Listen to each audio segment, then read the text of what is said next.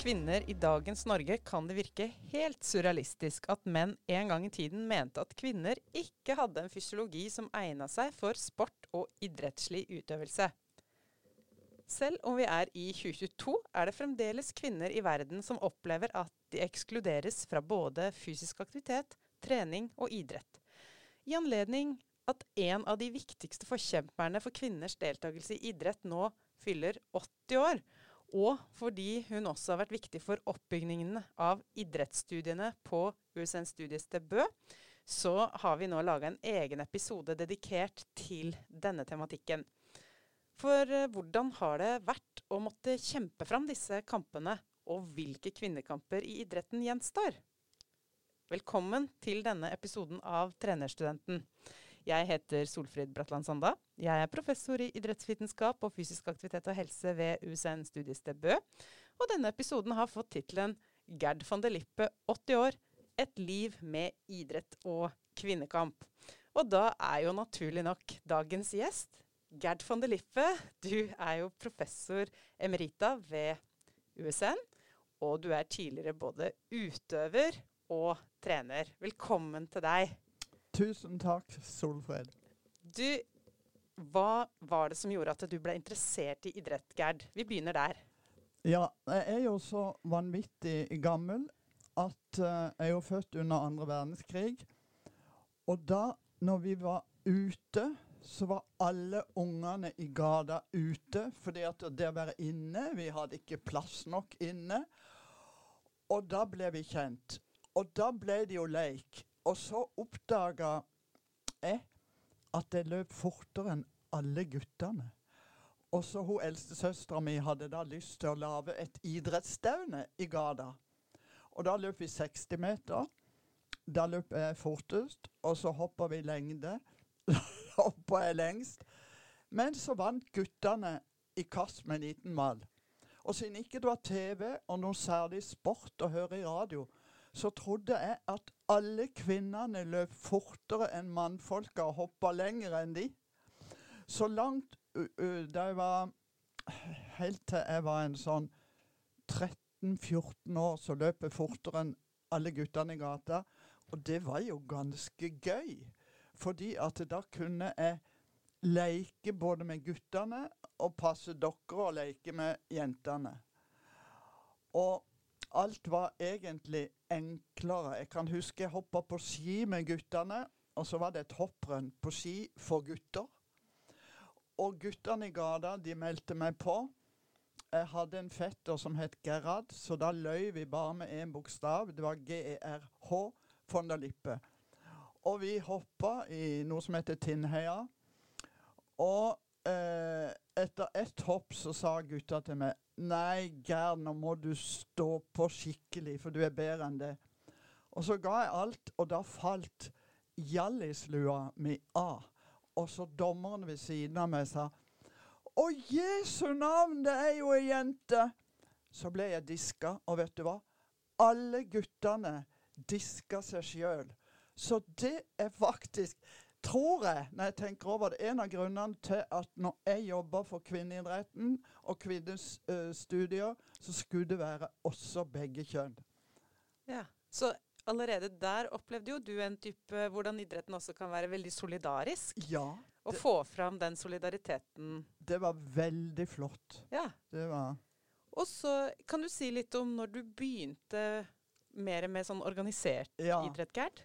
Fordi at uh, på den tida så var friidrett mer populær enn fotball på skolene. Så det var altså friidrettsstevner for hele Sør-Norge i Stavanger. Og der løp jeg 60 meter på 7-9, og det var liksom vanvittig bra. Så da ville KIF, klubben i Kristiansand, ha meg med. Og så var det stille lengdekonkurranser. Og der var jeg Altså, jeg elska jo å bevege meg. Jeg gjorde jo ikke noe annet. Så der eh, hoppa jeg ganske langt. Og det var til og med norgesmesterskap i stille lengde for lenge siden. Og da var jeg så stolt. Jeg var ikke gammel. Da fikk jeg bronse. Bronse til KIF. Det er kult. Ja. Sånn at det var faktisk gjennom skolen jeg ble med. Og etter hvert som vi trente i KIF, så løpet fikk jeg en rekord. Det er jeg stolt over, for det er 7-6 på 60 meter. Og da ble jeg jo tatt ut på landslaget, selv om ikke 60 meter var en distanse. Og det å komme på landslaget, det var jo fantastisk moro. Hvor gammel var du da cirka? Husker ja, du det? første gang på landslaget, det var det. Og jeg har jo bursdag i november, så da kan jo du som er så god i matte, regne ut hvor Takk for den, Geir. kan det stemme at du var en 18 Ja. 17-18 år? Ja. Mm. Så, eh, så kom du på landslaget, sånn at du har jo òg erfaring fra en sånn type toppidrettsutøvertilværelse. Fortell litt om det. ja, det var ganske interessant fordi at eh, jeg som jente fra Kristiansand, jeg var jo så sjenert når jeg traff disse her andre gode jentene og guttene. Og da skal jeg bare fortelle noe som jeg be- be- bet meg merke i. De eldste jentene på landslaget, og det fortsatte vi med, vi tok oss av de yngste jentene på landslaget. Og noe av det de sa Pass deg for han. Han er så jentegal at han skal du bare være obs på. Og det i grunnen takker jeg de for, fordi at når du kommer fra lille Sørlandet og ikke har så veldig mye erfaring, så var det jo noen som heiv seg over meg. Og heldigvis hadde jeg blitt advart. Og det var et samhold på landslaget som var så OK. Jeg har enda kontakt med noen av de. Og Berit Bertelsen, som var best, hun eh, dessverre døde eh, i år. Og hun var en fantastisk jente og dame som virkelig sto på. Og hun skulle jeg intervjue i år fordi jeg har skrevet sammen med Bike Gills en historie om kvinneidrettens historie. Og så døde hun, og hun sto på til det siste. Mm. Og Bike er jo, bare for å nevne det, Bike er jo Ja. også en eh, kollega her i Bø, eh, Ja. som lytterne i podkasten kommer til å bli kjent med etter hvert. Ja, det er bra. Så det er bra. Eh, og så er det jo litt eh, interessant, Gerd, at eh, det var jo egentlig en veldig sånn Altså lenge før metoo ble et Mm. begrep, så Mm. var det jenter i idretten som tok vare på hverandre og passa på hverandre. Ja. Og, ja. Mm. Og så oppdaga jeg at vi var diskriminert. For jeg har en mor som var født i 1908, og hun var lege, og da var det nesten ingen leger. Så hun, uten at hun sa det sjøl, så var hun egentlig sånn for likestilling. Så hun snakka veldig mye om å få den en utdanning. ja. Fordi at eh, kvinner uten utdanning var så vanlig da jeg vokste opp. Og takket være henne så tok jeg en utdanning. Mm. Og om ikke sa jeg skulle ta idrett, så gjorde jeg det, for det var helt naturlig. Det var jo det jeg elska. Mm.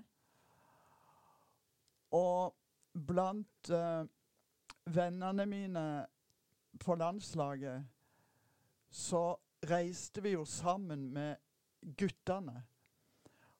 Men da oppdaga jo jeg at vi ble diskriminert. Fordi at eh, guttene hadde flere landskamper. Mm. Men vi hadde bare én, og så var det ett år ikke vi fikk en landskamp. Da gikk venninna mi og meg, Reidun Korneliussen ned på kontoret til Friidrettsforbundet og sa vi ville ha landskamp. De gadd ikke å høre på oss.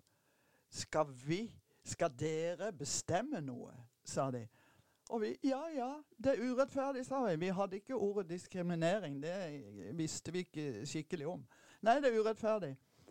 Og så sa de nei, det er ingen som er så dårlige som dere, fordi at eh, Sverige og Danmark var bedre enn landslaget. Og så sa jeg, kan vi ikke finne et sted, deler av et land, som vi er omtrent like gode som?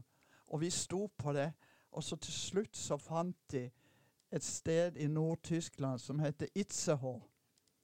Og der dro vi, og så hadde de ingen ledere. Og da ble jeg og venninna mi leder.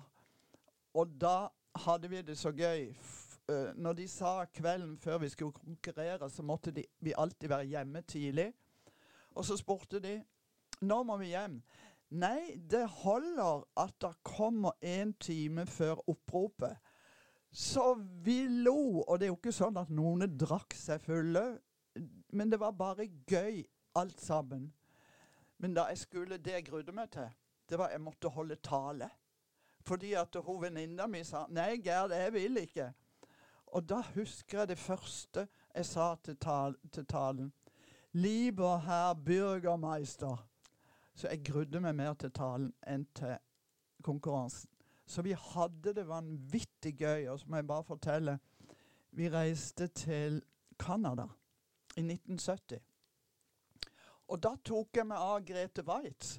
For jeg var av de eldste, og hun var ny.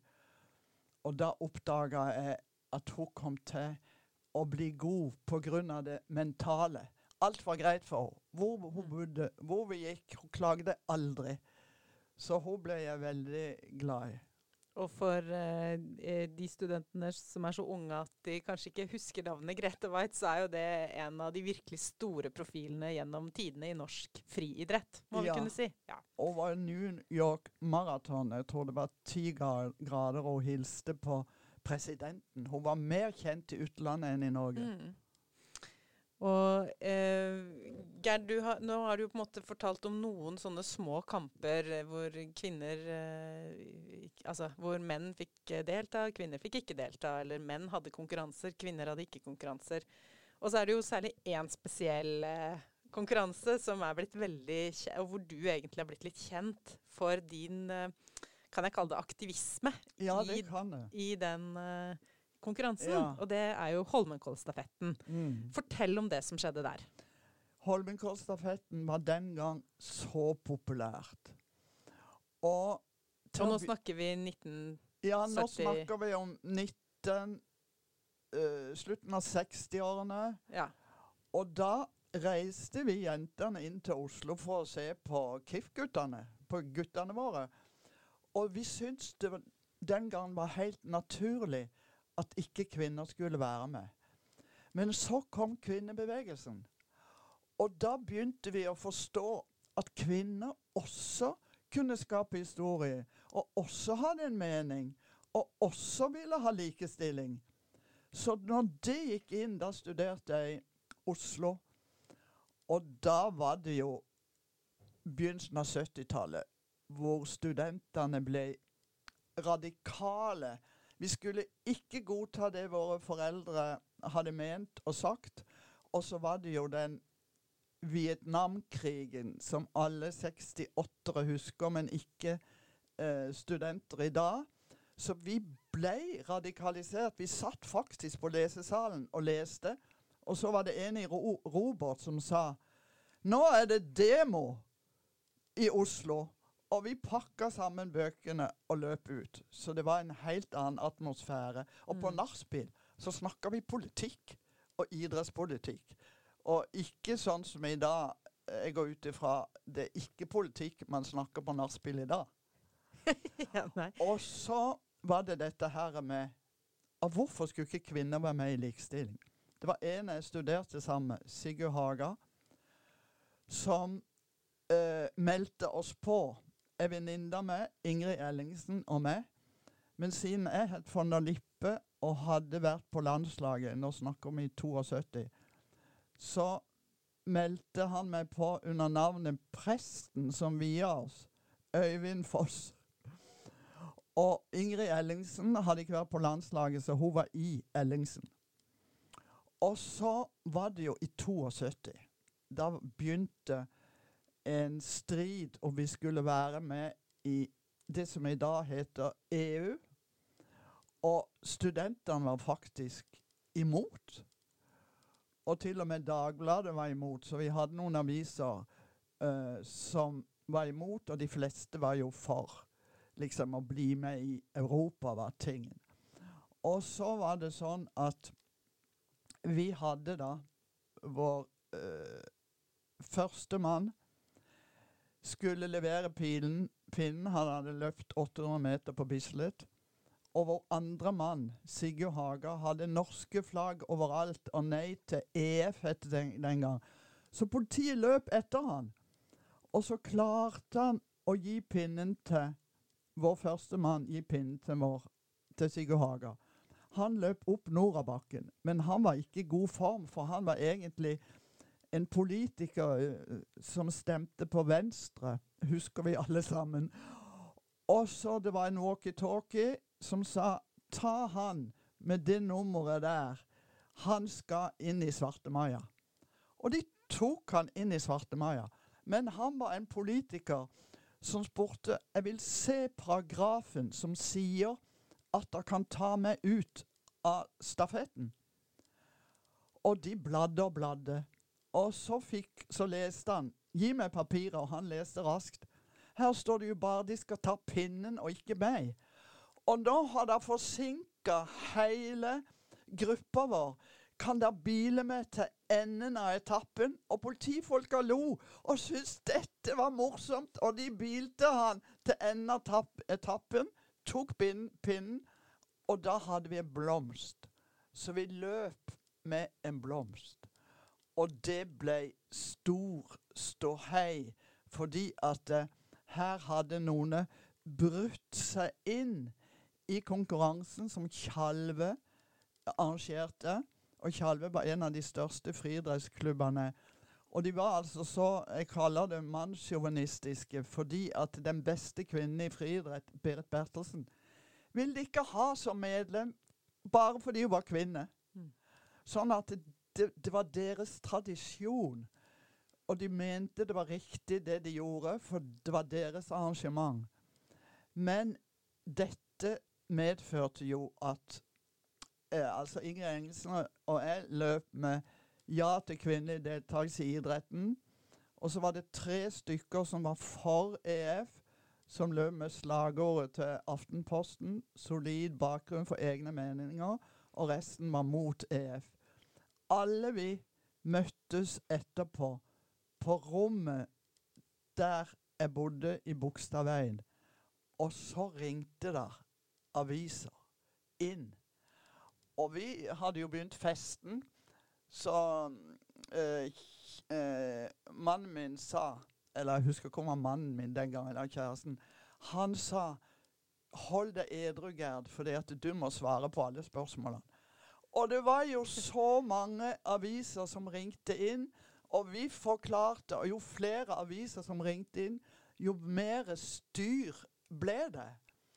Sånn at det ble eh, Og da var jo etter hvert hadde jo fått eh, NRK TV. Så da ble det debatter. Og eh, Dagbladet støtta jo kvinnelig deltakelse i idretten. Og jeg kjente han, sjefen i Dagbladet. Og han sa til meg du kom ned til oss, så skal vi hjelpe deg med å svare på uh, spørsmål fra Tjalve. Og der satt jeg i sporten sammen med gutta i sporten. Og de lærte meg å skrive kort, lave overskrifter. Så hver gang jeg kom, så gliste de og bare vinka meg inn.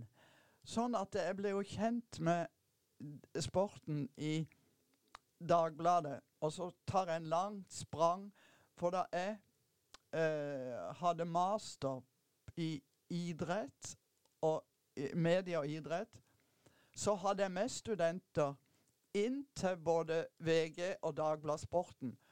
Og de intervjua eh, de journalistene var veldig åpne for oss, nettopp pga. den historien der. Mm. Og så satte vi jo i gang, for det var jo 70-tallet. Da lagde vi en aksjon eh, som het Sports... Ja, altså Vi ville ha likestilling, og det skulle være sport for alle, ikke bare toppidrett. Og i den aksjonen så lagde vi en avis. Den gang skrev vi på skrivemaskin og måtte ha blå kopier, som vi delte ut. Og vi fikk Drillo. Han husker kanskje studentene. Ja, det håper jeg at de gjør. Ja. Veldig kjent fotballtrener. Ja. Han ble med, og vi fikk med så mange. Og hadde årskonferanser på idrettshøyskolen. Og vi reiste rundt i Sør-Norge. Drillo var ikke med på det, for han hadde mer enn nok med fotballen å gjøre. Men vi var studenter og hadde litt fritid, for å si det sånn. Så vi reiste rundt og på universitetene i Sør-Norge og propaganderte for kvinnelig deltakelse i Holmenkollstafetten. Og motstanderne var idrettsledere. Mm. Og så var det en idrettsleder som var fantastisk. Nå husker jeg selvfølgelig ikke Det å bli gammel dere, det at jeg glemmer navn. Han hadde eh, Han var major og var en av de som støtta kongen i 1940, så kongen klarte å flykte. Mm. Og var helt fantastisk. Og han var liksom opponenten min i Trondheim. Men så likte vi hverandre. For jeg lytta Jeg, jeg syns han var fantastisk, hadde vært med i, i krigen mot nazistene. Og jeg lytta på han, og han lytta på meg. Og til slutt så var han enig med meg. Det var bare helt fantastisk. Og når vi vant endelig, nå tar jeg fram til 75, da hadde vi jobba og blitt med i Holmenkollstafetten, Tyrving. Og så vant vi, og da fikk jeg et brev fra presidenten i Norges idrettsforbund. Gratulerer med to seire. Mm. Og det glemmer jeg aldri. Men beklager dere. Jeg kommer til å huske om to timer hva han het, men sånn er det bare. Han Sånn det. var helt fantastisk. Ja. Og litt sånn Den kampen du forteller om der, det er veldig lett å tenke at eh, ja, ja, det er jo 50 år sia, men det er jo veldig lik parallell til f.eks. den kampen kvinnelige skihoppere står Ja. i i dag. Ja. Ønsket om å være med på skiflygning, Ja. men uh, den voldsomme motstanden som de har, eh, Ja. har møtt for det. Så det er en sånn, et eksempel på en tilsvarende sak som er av veldig mye nyere dato. ja. I en tid hvor vi kanskje skulle tro at vi var ferdig Ja. med denne type Og eh, den, kamper. Mm. ja, og den begynte jo akkurat med de argumentene du starta denne podkasten med, med at kvinner hadde ikke en kropp som tålte å hoppe på ski. Mm. Og eh, Så vi støtta jo de. Men det tok jo lang, lang tid før de overhodet fikk lov til Og da, tidligere, før krigen, så hoppa kvinner på ski. For da var ikke idretten så bastant. Men de fikk ikke lov til å hoppe i Holmenkollen. Og det var ei dame som hoppa eh, lenger enn de fleste menn på 30-tallet. Så hun flytta til USA for å få lov til å hoppe på sirkus. Mm. Så vi hadde Og det var jo også Jeg har lest om ei dame i idrettshistorie fra 1860-tallet som hoppa på ski. Men de ville ikke ta henne inn i resultatlista fordi hun var kvinne. Mm. Så det har vært kvinner som har drevet med såkalte gutteidretter lenge, lenge. Mm. Men historikere har ikke enda tatt fatt i alle de flotte jentene som har gjort det. Og Mm. alle de guttene som også støtter dem. Gerd, kan vi også snakke litt om eh, For én ting er denne kampen du har gjennom idretten. Men du har jo også en eh, bakgrunn eh, og en liten karriere som eh, trener. Og du har jobba som kroppsøvingslærer. Eh, og du har jo, som jeg starta med eh, si, at du har jo vært med å bygge opp idrettsstudiene her i Bø. Og sånn sett også sett veldig mange studenter, og Mm. både kvinnelige og mannlige studenter. Kan du si litt om denne hva skal jeg si, kvinnekampen, eller kjønnskampen inn i kroppsøving Mm. og i idrettsstudiene? Ja. Mm. Altså, kroppsøving, det var på begynnelsen av 70-tallet. Haugenstua ungdomsskole. Og da var kroppsøving så lavt prioritert. Så på foreldremøtene så jeg begynte alltid å snakke om kroppsøving. Hvor viktig det var. Og eh, det var jo sånn at eh, eh Når jeg liksom, som hadde idrettshøyskolen og hovedfag, snakka høyt om kroppsøving, så begynte de andre lærerne eh, Påvirka de, for de var jo vennene våre. Og det jeg gjorde, det var at guttene, jeg fikk guttene og jentene Jeg lagde et prosjekt, eller fikk penger til et prosjekt om at guttene og jentene skulle være sammen i kroppsøving. For å positivt påvirke hverandre. Og på Haugenstua skole, det var altså så mye bråk med studentene. Det var nesten de som regjerte.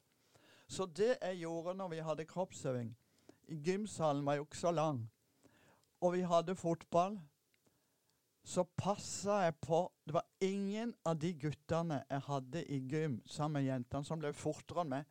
Så jeg passa på. Jeg var ikke så veldig god med beina, men jeg bare skjøt ballen foran. Så de tok meg ikke igjen. Og dermed fikk de respekt for å gjøre det jeg sa mm. de skulle gjøre, for ellers så gadd de ikke. De satt og hadde knabba eh, brød på butikken og stappa syltetøy i brødet og demonstrativt satt og spiste i begynnelsen av timen. Inntil jeg fikk respekt fordi jeg løp fortere enn de. Og det som var viktig, det var å få med jentene også.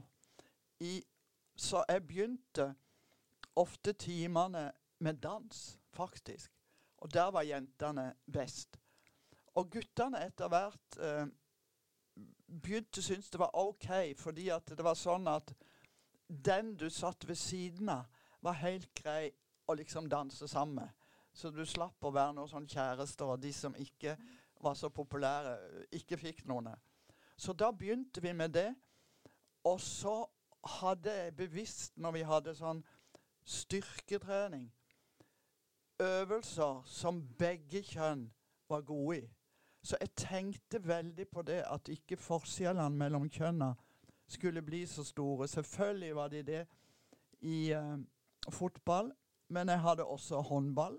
Og der var det mange jenter som var ganske gode. For fotball var jo ikke offisielt godkjent i Norge før 76. Mm. Og det var etter at uh, vi spilte på skolen, men mange spilte jo i gatene osv. Så, videre. så det å få med både guttene og jentene, det var veldig viktig. Og eh, på, når jeg begynte med ja, i, idrettsstudiet i Bø, det var jo sånn at eh, idrettshøyskolen Siden jeg hadde løpt ulovlig i Holmenkollstafetten, så trodde Volla, het han direktøren, at jeg måtte være en farlig sovjetkommunist som kunne bryte tre regler i idretten. Han tenkte ikke på at jeg var likestillingsdame og feminist, fordi at eh, noe politisk parti, det hørte jeg ikke hjemme i, syns jeg da. Så da fikk jeg ikke en jobb jeg skulle ha. Hans B. Skarseth, som har vært leder av friidrett og av Norges idrettsforbund, han var den som bestemte hvem som skulle få jobben, for jeg hadde bare midlertidig jobb på idrettshøyskolen. Og så fikk jeg den ikke. Det var en annen som fikk den. Og så satt han i kommisjonen til å ta ut de som skulle begynne på idrettsstudiet i Bø i 81. Og da fikk jeg jobben. Det som var fint med å komme til Bø, da kunne jeg jo starte på scratch. Og det uh, syns jeg var veldig gøy, også faglig, for da kunne jeg uh, jobbe sammen med sosiologer, historikere. Og da fikk vi uh, Da fikk jeg Jan Ove Tangen her til Bø. Og vi, da satt vi faktisk og tok ut alle som skulle inn. Mm. Så det var litt av en jobb.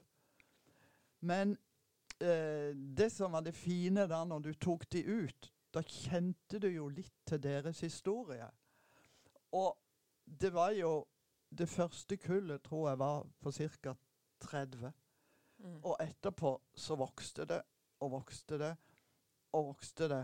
Fordi det var ikke så masse idrettsstudier den gang. Også da vi begynte med friluftsliv, så hadde vi jo friluftsliv også. Og det ble ganske kjent. Og når vi begynte da det het Høgskolen i Bø, så ble jeg jo intervjua av avisene, og da passa jeg på at de skulle komme til Bø og ta et bilde av alle de flotte studentene. Og, øh, og noen av de sa, sa jeg også Kan dere intervjue noen av de? Én dame, én mann. Ikke bare ett kjønn. Ja, nå snakker jo folk om flere kjønn, men i idretten Mm. er det jo bare to kjønn.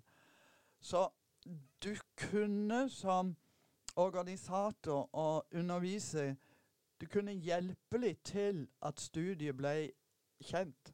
På Mm. samme måte som Solfrid gjør i dag med podkast. Ja, det gjenstår jo å se.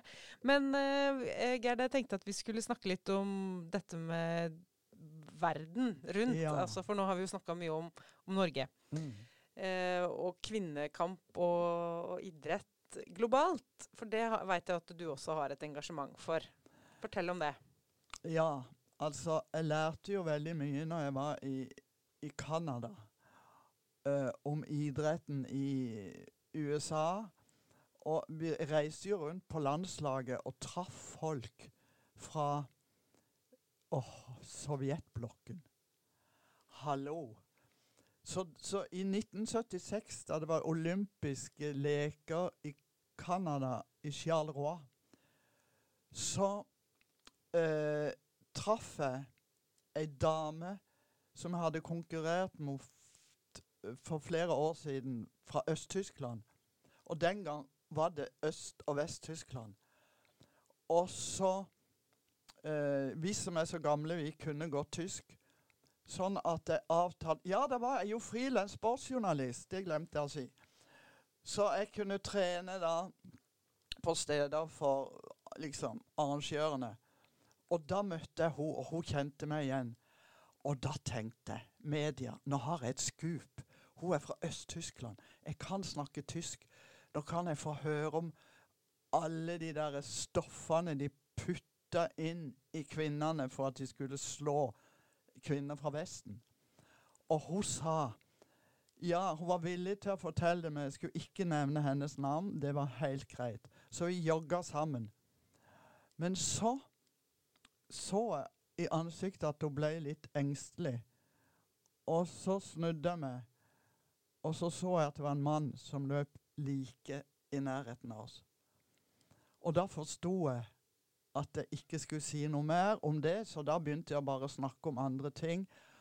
Og når vi skiltes, så ga hun meg en klem og takka meg. Og han, tre, han treneren som løp etter oss, tenkte det var bare sånn kvinnegreie. Da ble jeg veldig opptatt av også idretten i Sovjet, for der var det jo mye juks. Vi konkurrerte mot noen som egentlig var mannfolk. Og hadde jo ikke kjangs på 400 meter til å slå de. Og så er det jo sånn nå at jeg har vært i Iran, og der eh, har jeg undersøkt idretten og også intervjua kvinnelige fotballspillere og trenere, for det er den mest populære idretten. Og da Nå er jeg jo så opptatt av hva folk gjør i Iran, som protesterer mot det der prestestyret som halvparten av befolkningen bare hater. Og eh, da holder jeg på å skrive en artikkel sammen med Beaker Gills og få inside information fra en iransk kvinne. Og der er kvinneidretten med og kjemper sammen med alle de flotte unge kvinnene mest, men også menn uh, og gutter og jenter i alle aldre. Og nå er ikke bare uh, protesten mot hijab. Nå er det mot hele det uh, sjiamuslimske styret som er så korrupte og Så nå er det faktisk ingen som vet hvor dette ender. Mm. Men de har jo det at idrettskvinnene og mannfolka eh, går med og blir politiske.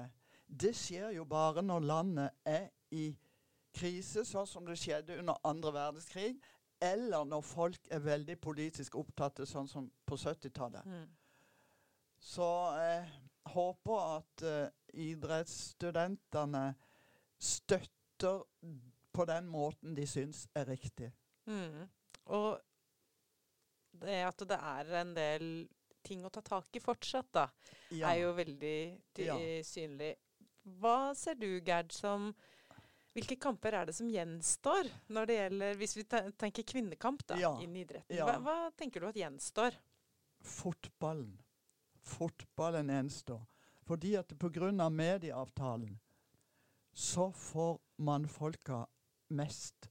Så det må medieavtalen må bli endra i likestillingsperspektiv. Og så er det jo en fordel at vi har fått en kvinnelig idrettspresident. men hun kan jo ikke gjøre mer enn resten av styret Mm. og idretten ønsker. Så hun trenger støtte fra alle. Og hun trenger støtte fra klubber, f.eks. Skarpedin. Mm. Jeg intervjua for uh, Vi hadde en konferanse var det i 2016 eller noe sånt her i Bø. Og da intervjua jeg kvinnelige fotballspillere i Skarpedin. Og der var et par av de som underviste på idrett, trenere. Og de hadde egla veldig mye med om likestilling i, i, i fotballen. Men vi hadde en god samtale, og de ga kvinnene sjanse. Sånn at det er veldig opp til, egentlig opp til trenere i de enkelte fotballklubbene. For på toppen kan de si nesten hva de vil, hvis ikke klubbene går for det. Mm. Og det håper jeg at uh, Skarpedin fortsetter med, for de hadde eh, en bra politikk på det den gangen jeg intervjua de jentene. De var fornøyd med trenerne sine, og de fikk lov til å trene like mye som guttene. Mm. Og en del av disse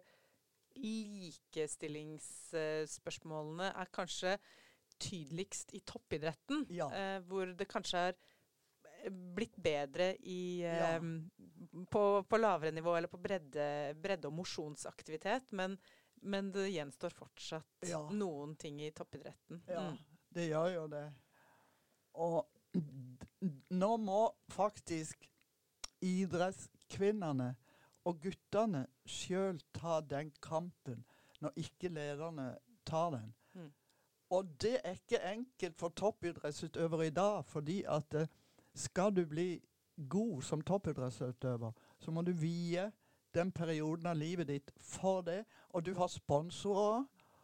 Og da må du tenke litt annerledes enn vi gjorde på 70-tallet, for sponsorene var ikke så viktige da.